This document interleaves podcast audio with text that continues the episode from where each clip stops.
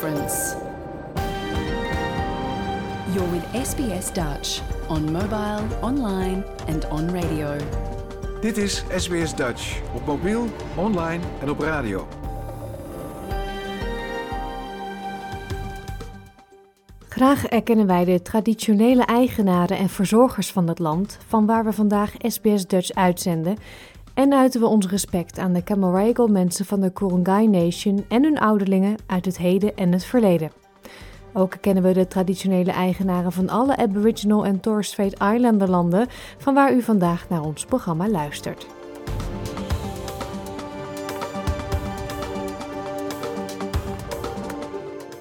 Een hartelijke goedemorgen. Mijn naam is Paulien Roesink. Welkom bij SBS Dutch, het Nederlandstalige radioprogramma van SBS. Ik hoop dat u een hele fijne kerst heeft gehad. Ja, we zijn nu eigenlijk aanbeland in die welbekende week tussen kerst en oud en nieuw, waarin we kunnen bijkomen van het vele eten van de afgelopen dagen en ons klaarmaken voor het nieuwe jaar. Gelukkig is SBS Dutch er net zoals altijd. We zijn wel met zomerreces en daarom zenden we de serie De 12 Provinciën uit. Vandaag zoeken we de gezelligheid op met een zachte G in Brabant. Hypotheekadviseur Martin Mulder praat u bij over de verschillen tussen het kopen van een woning in Nederland en in Australië. En we bellen met Joey Clark van de Australian Wildlife Conservancy over de voorbereidingen op bosbranden rondom natuurreservaten. Maar we beginnen met nieuws over de leefbaarheid van dit land. De grote steden van Australië, zoals Melbourne, Sydney en Adelaide, behoren vaak tot de meest leefbare ter wereld. Maar niet iedereen beoordeelt ze hoog. Uit een nieuw rapport blijkt dat First Nations, non-binaire en vrouwen zeer slechte ervaringen hebben in dit land. SBS Dutch op radio, online en op je mobiele telefoon. Australië wordt minder leefbaar voor First Nations people en een paar andere communitygroepen. Uit een nieuw State of Place rapport van data-onderzoeksorganisatie PlayScore blijkt dat de leefbaarheid in Australië voor veel Australiërs over het algemeen is afgenomen. Maar First Nations mensen en non-binaire groepen ervaren dit het meest. Chief Executive van PlayScore, Kylie Legg, zegt dat het rapport benadrukt wat mensen belangrijk vinden in hun buurt. Uh, the census shows that um, what we all want are neighbourhoods that are green, walkable, that are really well cared for, uh, where we care for each other, as well as being quite compact in that there's sort of easy to get from your house to local shops or parks or other services. Voor het rapport zijn er ruim 25.000 Australiërs met verschillende sociale en culturele achtergronden ondervraagd om een idee te krijgen van hoe het is om in verschillende gemeenschappen over het land te leven. De uitkomsten vormen de grootste sociale onderzoeksdatabase van het land met betrekking tot leefbaarheid en bieden inzicht in de tevredenheid en het welzijn van mensen uit verschillende plaatsen en demografische categorieën. Volgens het rapport varieert de leefbaarheid soms aanzienlijk, afhankelijk van de individuele buurten en de demografische samenstelling daarvan. De auteurs van het rapport suggereren dat niet alle buurten gelijk zijn en dat niet alle gemeenschappen dezelfde voordelen genieten. Mevrouw Leek zegt dat sommige minderheidsgroepen de laagste scores gaven voor leefbaarheid. The two groups, um, unfortunately, with some of the lowest levels of livability are those people um, who identify as First Nations or that don't identify as male or female. Um, we know these groups are some of the most vulnerable and kind of, I guess, because they are also in many cases minorities. But it really reveals that um, they're not experiencing the same levels of livability as the rest of the community, um, and it's across the board. So their scores are quite low across all 50 metrics. Dr. Lucy Gunn is Senior Research Fellow bij het Healthy Livable Cities Lab bij het Center for Urban Research bij RMIT in Melbourne. Mevrouw Gunn zegt dat de resultaten niet ongebruikelijk zijn. We do know that a lot of Aboriginal and Torres Strait Islanders people, some of them live in low SES areas. So when we're looking at this from an objective point of view, um, using data that is uh, coming from the ABS, which is the Australian Bureau of Statistics, um, using their socio-economic index for areas, we tend to find that a lot of Aboriginal and Torres Strait Islander people live in poorer areas essentially. And so when they're looking at the quality of their environment, they're rating it um, given that it's a poorer environment. So, what we tend to find is that we've got people who individually might be of low socioeconomic status, but then they live in these poor environments as well. Um, and so, it's not really a surprise that we see them rating the livability of their areas uh, not particularly well in this report. Hoewel non-binaire mensen en First Nations de laagste leefbaarheidsscores hadden, zijn andere groepen met lage scores eenouderige gezinnen en mensen tussen de 25 en 44 jaar. Vrouwen bevinden zich daarbij op een lagere leefbaarheidsmatrix dan mannen. I think we have really revealed that there's a connection between the density of neighbourhoods, being lower densities are definitely less livable for the communities um, from their perspective, um, and that we also see a relationship between uh, poorer livability, um, social disadvantage, and economic disadvantage, as well as poorer mental health. So, better neighbourhoods are better financially as well as for the well-being of the community. En mevrouw Gunn is van mening dat hoewel de Australische steden het goed doen, er in het hele land meer moet worden gedaan en dan vooral op het platteland. Ze zegt dat het belangrijk is om sociaal samenhangende en inclusieve ruimtes te hebben die ecologisch duurzaam zijn voor iedereen. A continual problem that we seem to have is that we have lower density cities in the middle and outer ring suburbs, and we have less public transport and less destinations for people to go to. Um, and this creates all sorts of unusual situations that can lead to inequities. So, inequities in access to employment, um, inequities in access to education, and also we tend to end up pushing people um, because of how to, housing affordability and also availability now uh, onto the fringes. And so, this creates more inequities for, for certain um, groups of our society. And so this is where I think Australia really needs to do a little bit more work in terms of making sure that the cities um, broadly, so middle and outer ring suburbs as well as the inner suburbs, all have good access to the, the key ingredients that make for livable cities. Dat was een verhaal van Omo Bello voor SBS Nieuws in het Nederlands vertaald door SBS Dutch. Nederland is niet zo groot. Er zit slechts 300 kilometer tussen het noorden en het zuiden van het land. Toch zijn er grote verschillen tussen de provincies. In de podcastserie De 12 Provinciën leren we de Nederlandse provincies beter kennen, dankzij de verhalen en de herinneringen van in Australië woonachtige Nederlanders. We zijn al ruim over de helft van onze reis door de 12 provincies en vandaag gaan we op bezoek in Brabant. Noord-Brabant, met Sertogenbosch als hoofdstad, telt ruim 2,5 miljoen inwoners. Historisch maakte de provincie deel uit van het hertogdom Brabant, dat in de middeleeuwen ontstond. Het strekte zich uit van Den Bosch tot Brussel en was een welvarend en toonaangevend gewest. Hieraan kwam een einde toen de Nederlandse opstand uitbrak en het noordelijk deel van Brabant werd veroverd door de staatse troepen. Bij de Vrede van Münster in 1648 kwam het veroverde gebied onder de naam Staats-Brabant bij de Republiek der Zeven Verenigde Nederlanden.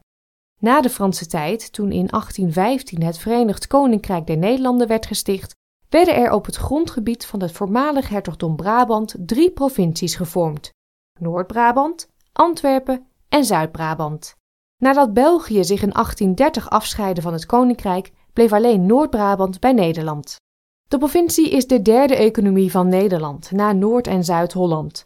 De agrarische sector heeft een groot aandeel in de Nederlandse landbouw. Van economisch belang zijn verder onder meer de chemische industrie bij Moerdijk, het grote aantal distributiecentra in de provincie en de maak- en kennisindustrie in de metropoolregio Eindhoven.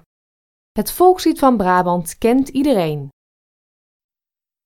Uh, oh ja, Brabant heeft dus geen officieel volkslied, maar al jaren gaan er stemmen op dat dit het Brabants volkslied zou moeten worden. En ik loop hier alleen in een te stille stad. Ik heb eigenlijk nooit last van heimwee gehad. Maar de mensen ze slapen, de wereld gaat dicht. En dan denk ik aan Brabant, want daar brandt nog licht. Vele Brabanders pinkten een traantje weg toen Guus Meeuwis dit lied speelde op Koningsdag 2019 in Sydney. Guus is al jaren een van de meest succesvolste artiesten van Nederland.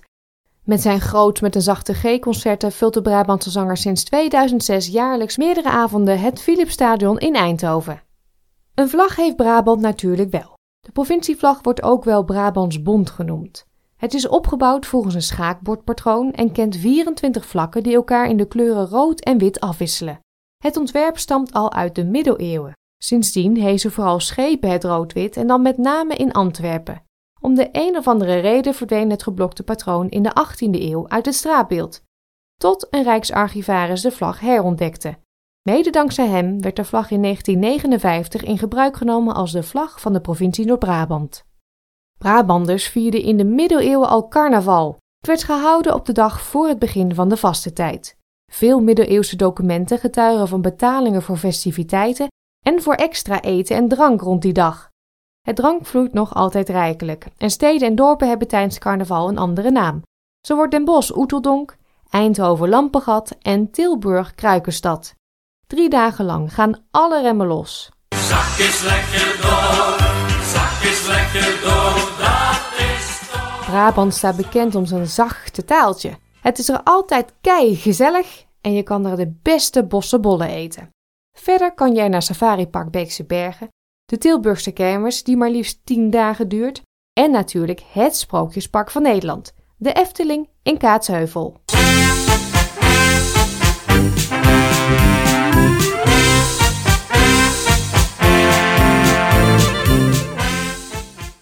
Blijft misschien lekker de hele dag in je hoofd zitten. Graag gedaan. Hoe omschrijven de Aussie-Brabanders hun provincie? Wat komt er gelijk bij ze oppassen aan Brabant denken? Pauline van Gol bijt het spits af. Ze komt van oorsprong uit Oosterhout, maar woont tegenwoordig in Jervis Bay, New South Wales. Allereerst natuurlijk carnaval. Dat is er wel de grootste. En eh worstenbroodjes, uh, bossenbollen. Lange nachten, groots met een zachte G en de achterdeur. Dat je de achterdeur gebruikt. Als je mensen kent en je belt aan, nou, dan is het eigenlijk een beetje respectloos. Dus je gaat gewoon lekker achterom. Een mooie provincie, mooi gelegen in het zuiden, tegen België aan, vlakbij Duitsland. Mooie natuurgebieden en leuke steden. Dus je hebt de Kempen, de Peel, de Meierij en natuurlijk Den Bosch, Breda en Eindhoven. ja, de gezelligheid voor mij. En eh, ja, eigenlijk dat is het meest belangrijke. En alles lekker in de buurt. Eh, je kunt overal naartoe fietsen. Wat is er nou zo bijzonder of anders aan Noord-Brabant? Stefan Bottemanne woont in Melbourne, maar komt van oorsprong uit Eindhoven. Nou, dan weten jij en ik wel wat hij als eerste zal noemen.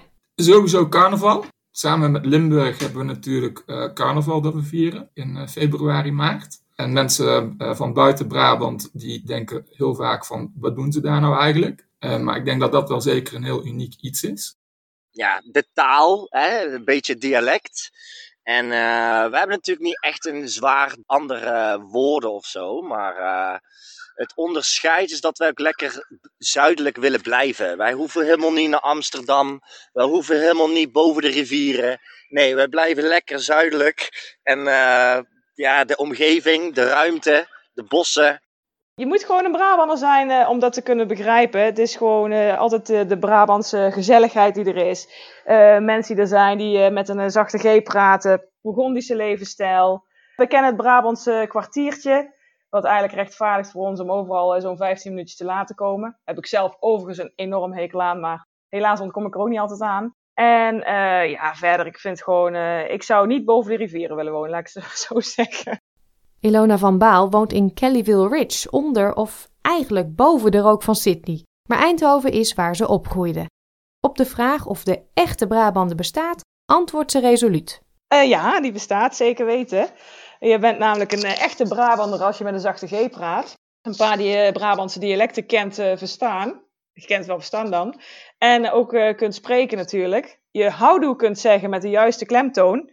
En als je niet eh, meteen in paniek raakt als iemand zegt dat hij eh, zojuist is aangereden of eh, afgewerkt is. Oké, Ilona, verklaar je nader. Wat bedoelen Brabanders met aangereden?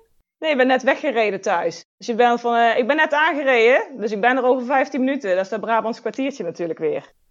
En afgewerkt? Klaar met werken. Ik ben nou afgewerkt, kom naar huis toe, goed?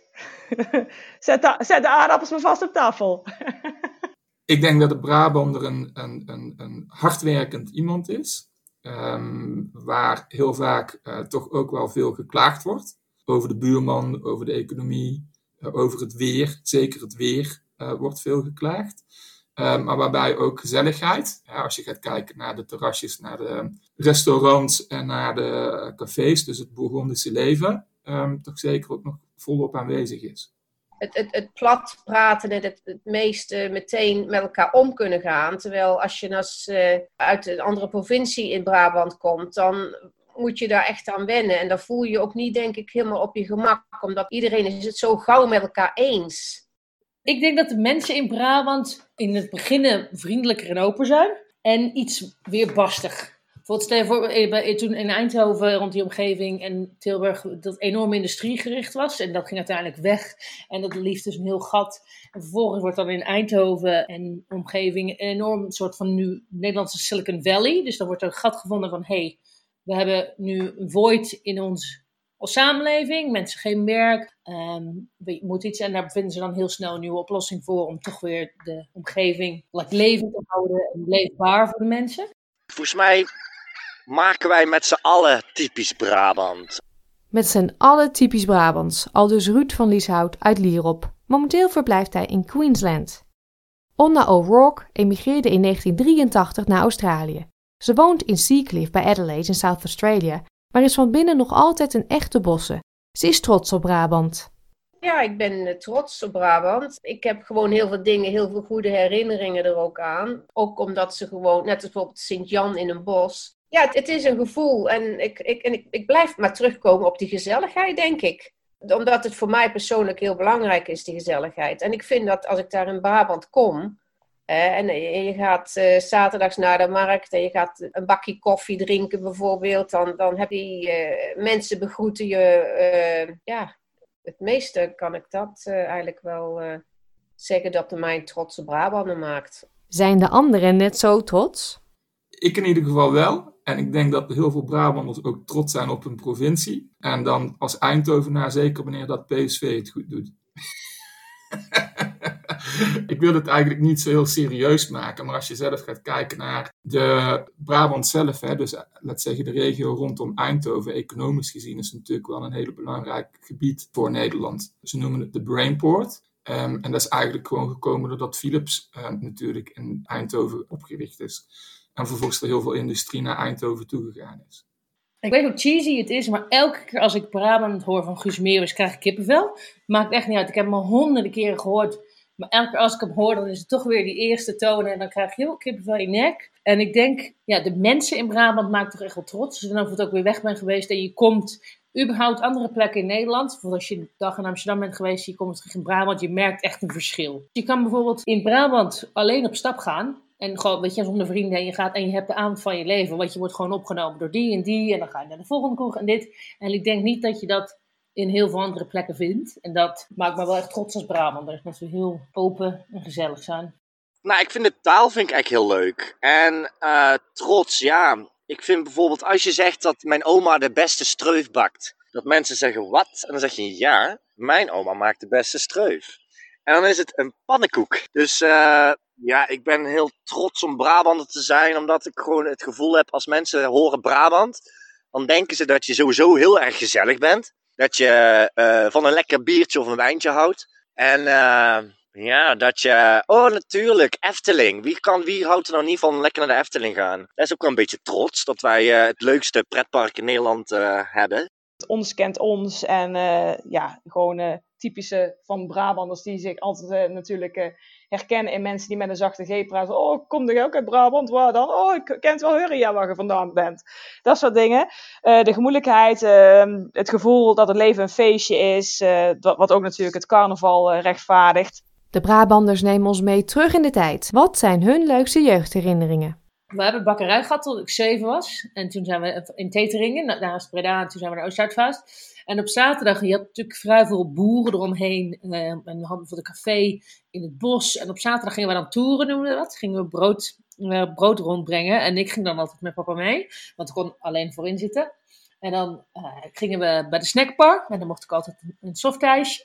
En dan mocht ik bij het dorpscafé in het bos mocht ik een ander ijsje uitzoeken. En dan waren er ook drie boerderijen waar ik niet eruit mocht. Dat waren dan echte waakhonden. Waar een meisje van zes dan uh, niet. Maar de gezelligheid van de automatisme dat ik daarheen kwam te bakken kwam brood brengen. In, uh, naar de boeren die voor hun te druk en te veel was om naar onze winkel te komen. Hoeveel wij dan eigenlijk terugkregen in vriendelijkheid uh, en voor mij in ijsjes. Dat was met name de grote reden waarom ik meeging. Dat vond ik altijd heel leuk. En dat je de omgeving zag. En dan vaak op zondag gingen wij, ehm, als je in Brabant woont, zeker wij zijn 10 minuten van de Belgische grens, uh, heb je die link heel erg. Dus vaak gingen wij naar die dorpjes die dan op de grens liggen. Je Badenasser, bij de Hertog, Meerseldreef, een hele grote, uh, bij de Paters kon je speciaal biertjes drinken. En er was er een grote speeltuin naast. En dan had je toch die gezelligheid samen met de Brabanders en de Belgen. Uh, dat vind ik altijd wel hele, hele fijne, fijne herinneringen. En toen ik 12 was, in de vakantie, van uh, groep 8 naar de middelbare school gingen we rondfietsen. En gingen we bij alle aardbeienboeren aankloppen. En had je je cv mee, wat natuurlijk niks was, alleen je informatie. En dan ging je dus ochtends van 7 tot 12, s ochtends ging je aardbeien plukken. En dan de rest van de middag ging je naar het zwembad. Dat was uh, de zomervakantie toen je 11, 12 was. Voor mij, als, eh, als, vooral als kind zijnde, was het schaatsen. In de winter bijvoorbeeld, de schoolplaats werd ondergespoten met water en dan uh, bevroren het. En dan konden we de dag erop al komen schaatsen. En dan uh, sneeuwballen gooien bijvoorbeeld. Elke winter was het sneeuwballen gooien en, en sneeuwpoppen maken. En bij mensen binnen die sneeuwballen gooien. Wat niet mocht natuurlijk. Uh, dingen zoals uh, buitenspelen heb, je ook, uh, heb ik ook vele herinneringen aan. Net als stoepranden. Dat was heel makkelijk met een bal naar tegen, in de straat. En dan tegen de stoeprand gooien. En die andere die gooide die bal dan weer terug. Probeerde die stoeprand weer te raken. Oeh, er zijn er eigenlijk wel een paar hoor. Ik vind bijvoorbeeld, ik vind wandelen vind ik heel leuk. Dus uh, dan ben ik lekker in de bossen te vinden. En om vier, vijf uur s'nachts, uh, een paar dagen per jaar, hoor je alle brulkikkers uh, kwaken. En het is eigenlijk een soort natuurreservaat. Dus daar vind ik op zich wel een heel mooie herinnering die ik zelf heb aan mijn eigen Brabantse heide. De plek. En de Brabantse dag vind ik op zich wel een hele leuke herinnering. Het is een carnavalsoptocht. Het is geen carnavalsoptocht, het is gewoon een optocht met nou, de mooiste wagens die ik ooit in mijn leven heb gezien. Die mensen werken er maanden, misschien wel jaren aan een uh, mooie praalwagen. Dus de Brabantse dag vind ik een mooie herinnering. Uh, ja, mooie herinneringen. Roze Maandag vind ik een mooie herinnering. Al moet ik eerlijk zeggen dat ik niet alle laatste uren van Roze Maandag kan herinneren. Natuurlijk veel te veel gezopen, maar uh, lekker be gay for a day. Ja, heerlijk toch? Lekker Roze Maandag. Ja, dit is de Tilburgse kermis. Dus op elke maandag, uh, ik denk dat er meer dan een miljoen mensen op afkomen. En de hele stad is roze. De hele stad loopt rond met fantastische drag queens. En dat is toch wel een beetje trots van de Tilburgse kermis, hè? Wat ik dan in ieder geval van, van vroeger heel erg herinner is natuurlijk dat we met de auto op vakantie gingen naar andere Europese landen en we dan terugkwamen. Dat we zo, al sowieso al binnen een half uurtje in een ander land waren. Of dan wel België of wel Duitsland. Heel erg fijn. Dat motiveert lekker als je zo'n lange rit moet maken.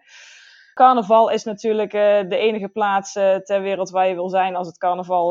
Dan wil je in Brabant zijn met carnaval. Het is gewoon, ja, dat moet gewoon. Dus baal ik ook nog steeds van. Dat is het enige waar ik echt steeds heimwee naar heb. Als ik hier ben en mensen vieren carnaval in Brabant, denk ik, oh nee, daar wou ik graag bij zijn. De, de zomervakanties.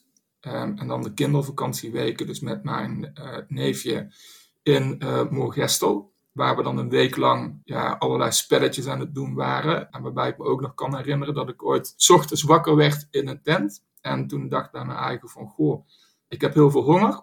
En um, ik liep toen naar de tent toe en toen ben ik voor de eerste keer met die soort campingworst aan de gang gegaan. En vervolgens ben ik ook een, bijna een halve dag ziek geweest daarvan. En ik ben even de naam kwijt. Het is die worst die je in, in, in blik had. Ik denk, zelf terugkijkend naar mijn herinneringen. Toen ik een jaar of 18 was, toen heb ik het Stratum Zijnd in Eindhoven ongeveer plat gelopen. Daar ging ik op donderdag naartoe tot en met zondag elke avond. Ja, en dat was gewoon een hele mooie tijd. Ja, zijn naam kwam al een paar keer voorbij. En een uitzending over de provincie Noord-Brabant is natuurlijk niet compleet zonder een liedje van Guus Meeuwis. We sluiten deze aflevering van de 12 provincie af met zijn ode aan Brabant.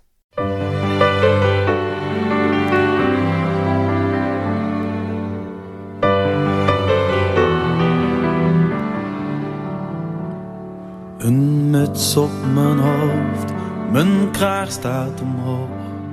Het is hier ijskoud, maar gelukkig wel droog. De dagen zijn kort hier, de nacht begint vroeg.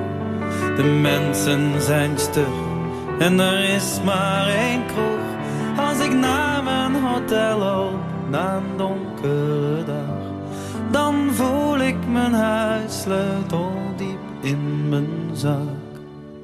En ik loop hier alleen in een te stille stad. Ik heb eigenlijk nooit last van heimwee gehad. Maar de mensen ze slapen, de wereld gaat dicht. En dan denk ik aan Brabant, want daar brandt nog licht.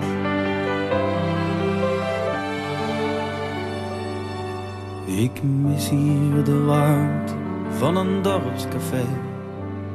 De aanspraak van mensen met een zachte G. Ik mis zelfs het zeiken op alles om niets. Was men maar op Brabant zo trots als een Fries. In het zuiden vol zon woon ik samen met jou. Het is daarom dat ik zo van Brabanders hou. Ik loop hier alleen in een te stad. Ik heb eigenlijk nooit last van heimwee gehad. Maar de mensen ze slapen, de wereld gaat dicht.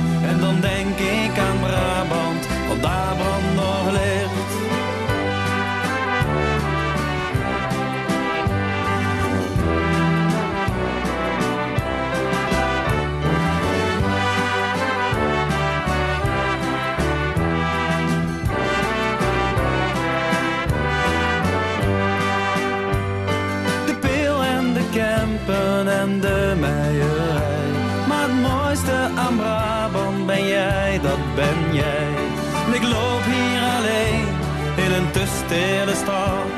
Ik heb eigenlijk nooit last van heimwee gehad. Maar de mensen ze slapen, de wereld gaat dicht. En dan denk ik aan Brabant, want daar brandt nog licht.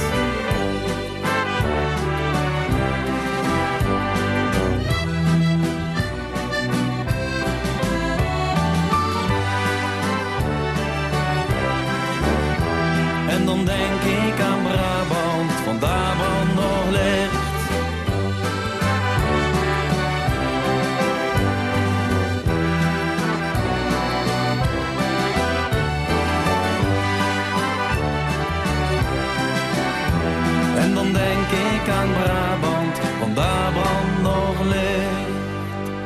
Meer podcastafleveringen zijn te beluisteren via je favoriete podcastplayer of op onze website www.sbs.com.au Dutch. Het aankoopproces van een woning verloopt in Australië heel anders dan in Nederland. Zo is een veiling in Australië niet ongewoon en kan je in Nederland een hogere hypotheek afsluiten. Maar er zijn meer verschillen en die bespraken we onlangs met broker en voormalig makelaar Martin Mulder uit Sydney. Jouw gemeenschap, jouw gesprek. SBS Dutch. De huizenmarkt in Australië en Nederland zijn eh, voor een leek zoals ik eh, erg anders. Hoe kijk jij daar tegenaan, eh, Martin? Dat klopt, daar ben ik het helemaal mee eens. Ehm, in Nederland is het meer een huis om te wonen. En in Australië lijkt het meer een huis is ook. eh, het maakt een deel uit van je pensioen en van je, van je oude dagvoorziening. Dus het is een hele andere mentaliteit. Ja, heel moeilijk. Hmm, Jij woont hier al eh, heel wat jaartjes. Eh, Ik kan me voorstellen dat jij als iemand die als makelaar heeft gewerkt en nu broker, dat jij wel een huisje hebt, misschien ook wel meer. Ben je al helemaal aangepast, maar ehm, had jij jezelf moeite met die omschakeling? Want dat merk ik bij mijzelf heel erg en ik merk dat ook bij vrienden om me heen. Ja, het is eh, geen fijn gevoel dat als je een huurder bent, dat een huurbaas allerlei beslissingen kan maken wat een heel groot, eh, een heel groot impact op jouw leven heeft. En eh, inderdaad, dat is, eh, dat is heel anders en moeilijk. En je huurt niet voor het leven, net zoals wat er in Nederland gebeurt een beetje. Ehm, ja, en, en ik denk toch dat inderdaad het kopen van een huisje hier, als je het kan, dat je dat toch zou moeten proberen. Want het verandert hier niet en het wordt niet zoals Nederland, denk ik. Het wordt niet zoals Europa, denk ik, eh, waar de huurders voor hun leven kunnen huren. Dus ik denk dat dat belangrijk is voor mensen die hier langer willen blijven. Van, je moet even goed kijken, waar kan ik het veroorloven om wat te kopen en waar zou ik graag willen wonen? En dan een compromis maken. Mhm, ja, en als je dan besluit, oké, die stap ga ik zetten, ik wil iets kopen. Wat zijn dan de grootste verschillen als je Australië en Nederland vergelijkt? Eh, Dat is een hele moeilijke vraag. Want uh, ja, de makelaars hier werken heel anders. En ik, ik praat alleen over hier wat er in New South Wales in Sydney gebeurt. Um, makelaars die vertellen je één ding en dan als de andere kopers wat anders denken. En vooral, met bijvoorbeeld de openbare veilingen die ze in New South Wales in Sydney doen. Dat is allemaal veel meer agressief, vind ik, voor de kopers. Uh, je moet als koper vrij veel tijd investeren. Je moet als koper vrij veel effort investeren in het krijgen van een lening. Je moet, een, uh, je moet veel moeite doen om advies te krijgen over het contract van een advocaat of een conveyancer. En uh, dan moet je ook nog kijken of het huis een beetje stevig is of dat er niet wat mis mee is. Dus uh, er zijn een heleboel dingen die waar je naar moet kijken voordat je wat kan kopen. -hmm, ja, en ik denk ook, um, en daar zal jij als financieel man ook uh, veel mee te maken hebben, is als je in Nederland een hypotheek nodig hebt, dan ga je naar een adviseur en dan kan je het hele bedrag, soms wat extra, om de keuken te verbouwen lenen. Hier moet je al een behoorlijk spaarpotje hebben. Ja, dat klopt. Uh, dat is de, het grootste verschil, denk ik, met Europa en met Australië. Je moet zeg maar 20% aanbetaling doen. En dan moet je ook nog overdrachtsbelasting betalen, de, stamp duty. Um, er zijn wat schemes door de overheid die geduwd worden voor first home buyers. Waar de grote banken kunnen je tot 95% van de lening geven. Um, maar er zijn heel veel beperkingen aan met het, uh, het, bedrag wat je mag lenen. En dat hangt dan ook van, van je inkomen natuurlijk. En waar je dan wat kan kopen. Dus uh, ja, dat is inderdaad heel anders. Heel raar dat je als je een, een huis van een 5 ton koopt, dat je 100.000 eigen geld mee moet nemen. Plus de overdrachtsbelasting. Dus uh, dat is vrij, een vrij dure zaak. Mm -hmm. Heb jij wel eens Nederlanders geholpen? Ja, ik heb al verschillende Nederlanders geholpen. Um, die uh, hier nieuw waren, die hier al wat redelijk wat langer waren. Op dezelfde manier, Pauline, hoe wij elkaar gevonden hebben door de Facebook-pages.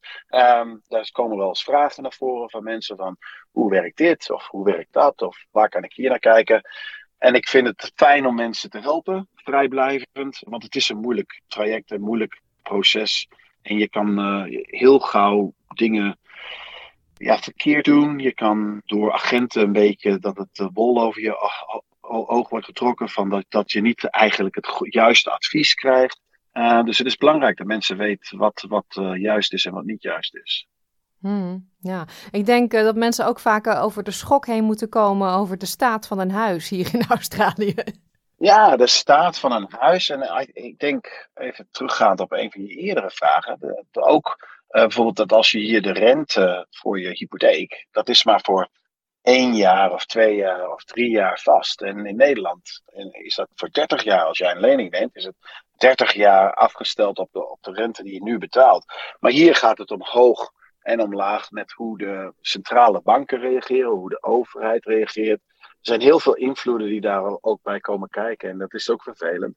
En dan natuurlijk het grootste is dat uh, in Nederland, ik geloof dat je nog een groot gedeelte van je rente mag aftrekken nog steeds als je zelfs in het huis woont. En dat kan hier allemaal natuurlijk niet. Dus uh, nee. ja, he heel veel. Het is hier uh, meer, meer interessant voor investeerders hè, om iets te kopen.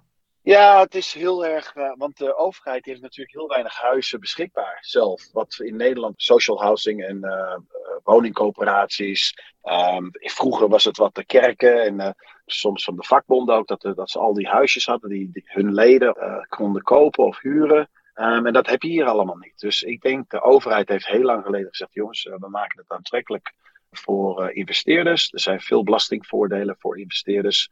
En zo regelen we het huizenprobleem voor onze mensen. Maar het lijkt nu allemaal een beetje gestaag te gaan naar een punt waar het vrij moeilijk wordt voor iedereen. Ja.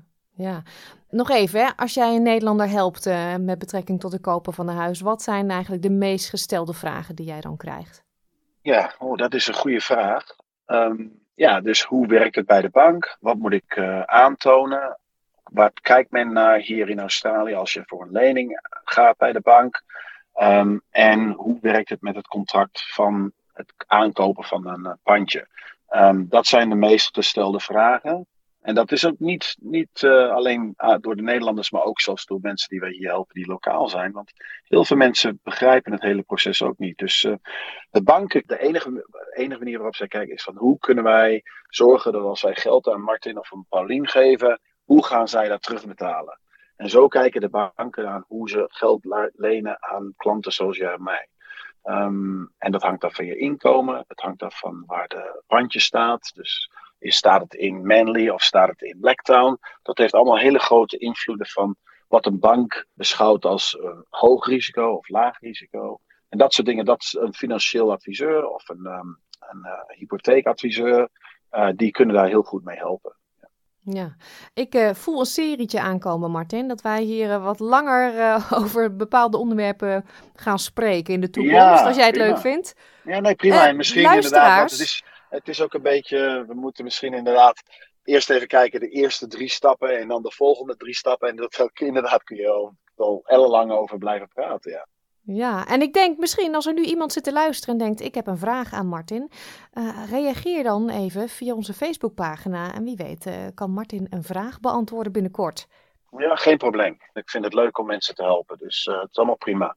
En in Australië is het ook nog anders dan in Europa, waar um, dus de banken betalen de financieel adviseurs en de hypotheekadviseurs. Dus uh, of jij nou een lening als je krijgt van zegt de Commonwealth Bank en je loopt bij de Commonwealth Bank naar binnen, of je doet het door een hypotheekadviseur. Je betaalt hetzelfde bedrag aan, uh, aan rente en er zijn geen kosten verbonden aan uh, een lening voor een huis als je dat doet als een consument. Mm -hmm. Ja, dus, goed om ja. te weten. Ja. Dankjewel ja. voor nu. We spreken elkaar snel weer. Is goed, Paulien.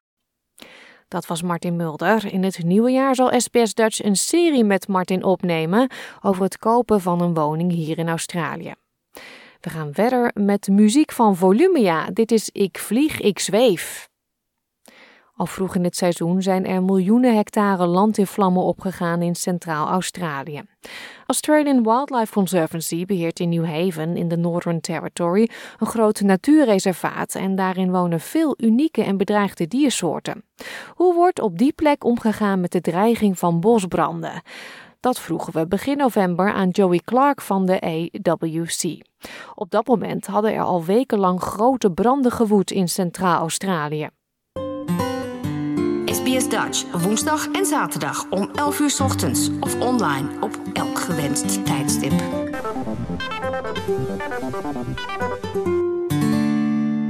Joey, can you tell us something about how the Australian Wildlife Conservancy deals with bushfires? We know it's going to be a very intense summer uh, for humans, but also for animals. Yeah, that's right. And, you know, I think it's really important to remember that fire is a natural part of how Australian landscapes work, how they operate. And it's been the case for tens of thousands of years.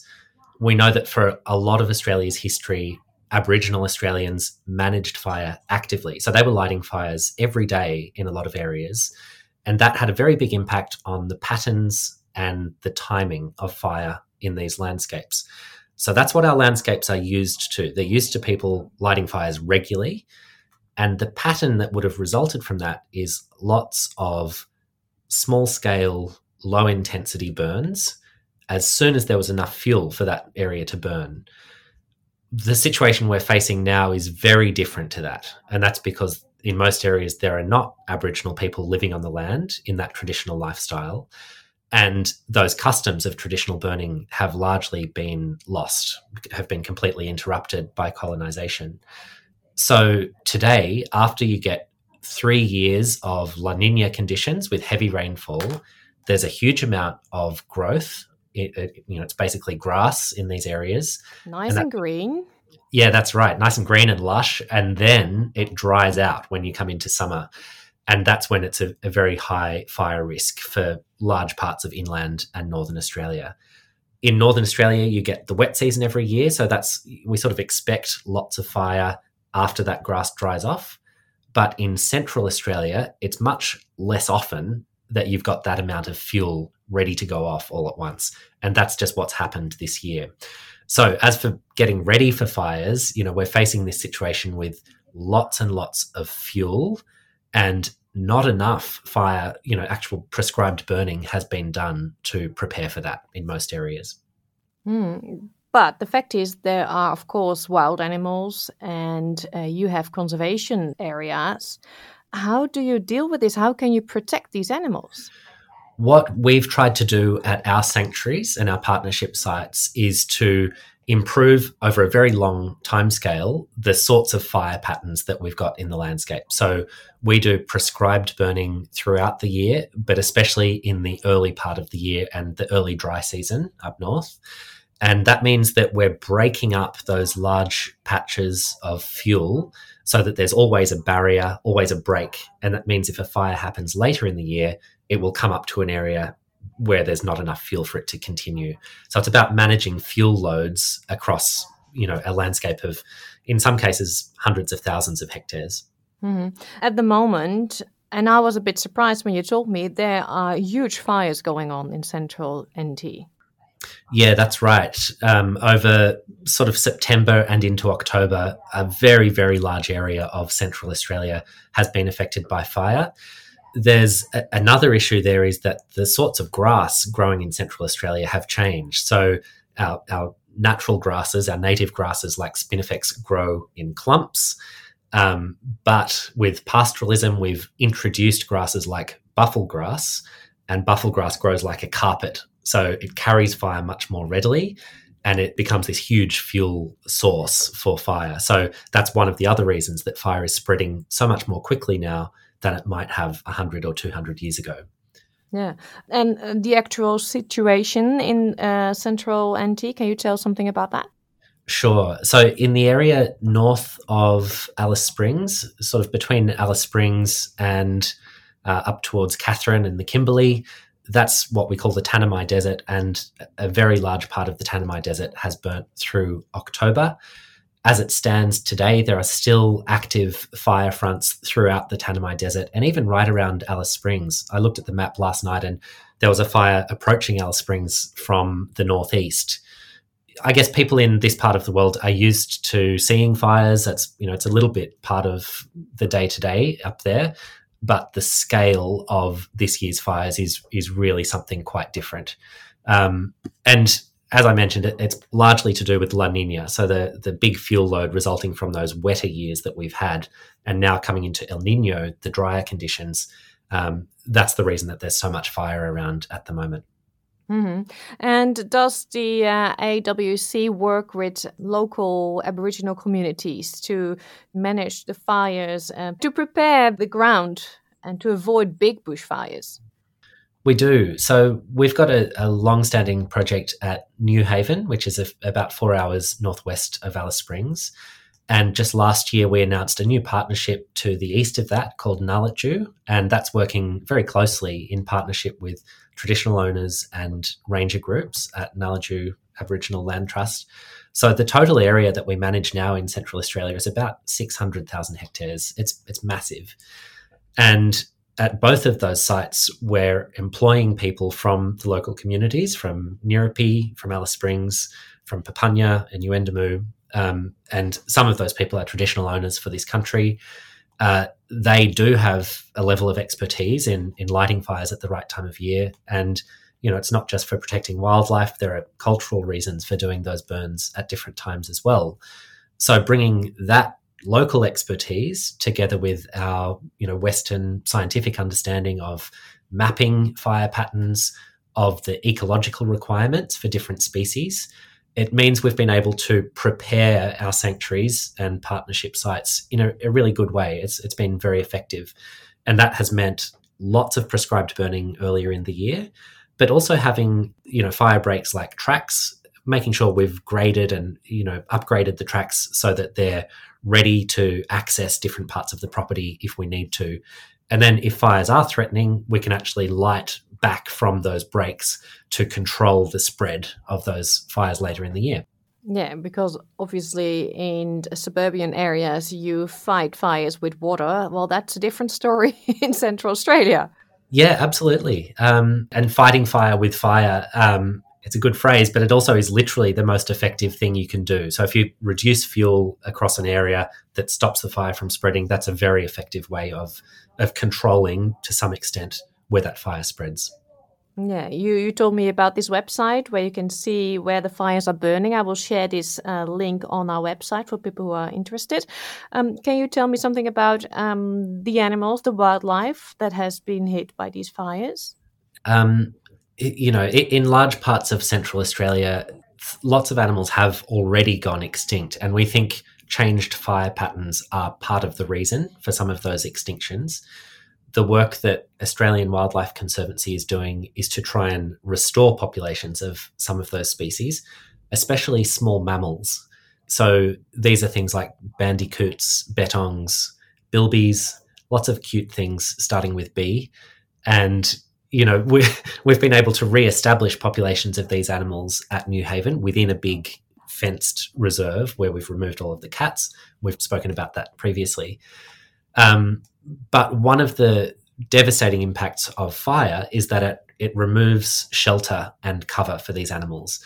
So that means that after a very big hot fire, they're extremely vulnerable to predators. So that might be wedge-tailed eagles or owls or pythons or goannas. Um, but on top of that, now they have to deal with foxes and cats. So that has been a devastating combination for native animals in Central Australia. Yeah. The fact that these fires are burning now, it's just November, it happened already October. What does this tell us about the summer that's coming up? Well, we, we know that it's been very dry in the parts of Australia where fires are burning now. And we did have fairly good predictions that it was going to be a difficult season for fire. One of, well, some of our managers in this part of the world have said it's actually preferable to have fires in October than in December, say, when it's much, much hotter and much drier. Those conditions, when it's maybe 45 or more degrees, it's so hot that it's very difficult to stop fires once they've got you know some wind behind them and they're burning really ferociously. So in some ways, it's you know it, it could be worse, and and having fires that have burned in late spring is better than in the middle of summer when it's absolutely terrible conditions. So that's a bit of a good news then. Yeah, that's right. Yeah, so it could be worse, um, but you know it, it's putting a lot of pressure on our teams as well. So actually fighting the fires out here you know, it means we have to get staff in from other regions. So they're coming in from Queensland, from South Australia, from Western Australia into these Northern Territory fires to help with fighting fires. And often they're very long days working through the night to put in back burns or to grade tracks. Uh, so it's a, a, lot of effort goes into reducing the impact of these fires as much as possible. Uh, it's, our, right. it it's okay. our, fire alarm in the building. So I'm sorry. Oh, no. True. You have to go. well, thank you so much for your time. We're going to end this interview like this. Thanks, Pauline. And just to reassure you, I think this is just a drill. I'm in a, a building in the city, not uh, out in the bush, so I'm completely safe. Um, but yeah, thank you. There's a lot to talk about with fire, so it's it's great to be able to go into depth about um, you know that context in Central Australia at the moment. Yeah, thank you so much for your time. Thank you. U hoorde Joey Clark van de Australian Wildlife Conservancy in een gesprek dat we met hem hadden begin november. En wat betreft het brandalarm, dat was allemaal gelukkig een test, dus er was niks aan de hand in het gebouw.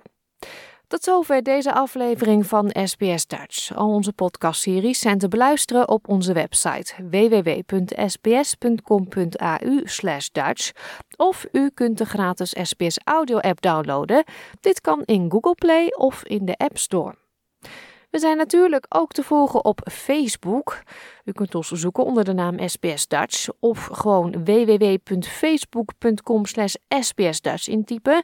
Like daar dan onze pagina, reageer op onze post en blijf op de hoogte van ons programma. We sluiten vandaag af met La Dada van Claude. Een relatief nieuwe en jonge zanger die zingt in zowel het Nederlands als het Frans. Fijne middag en heel graag tot zaterdag. Like, deel, geef je reactie. Volg SBS Dutch op Facebook.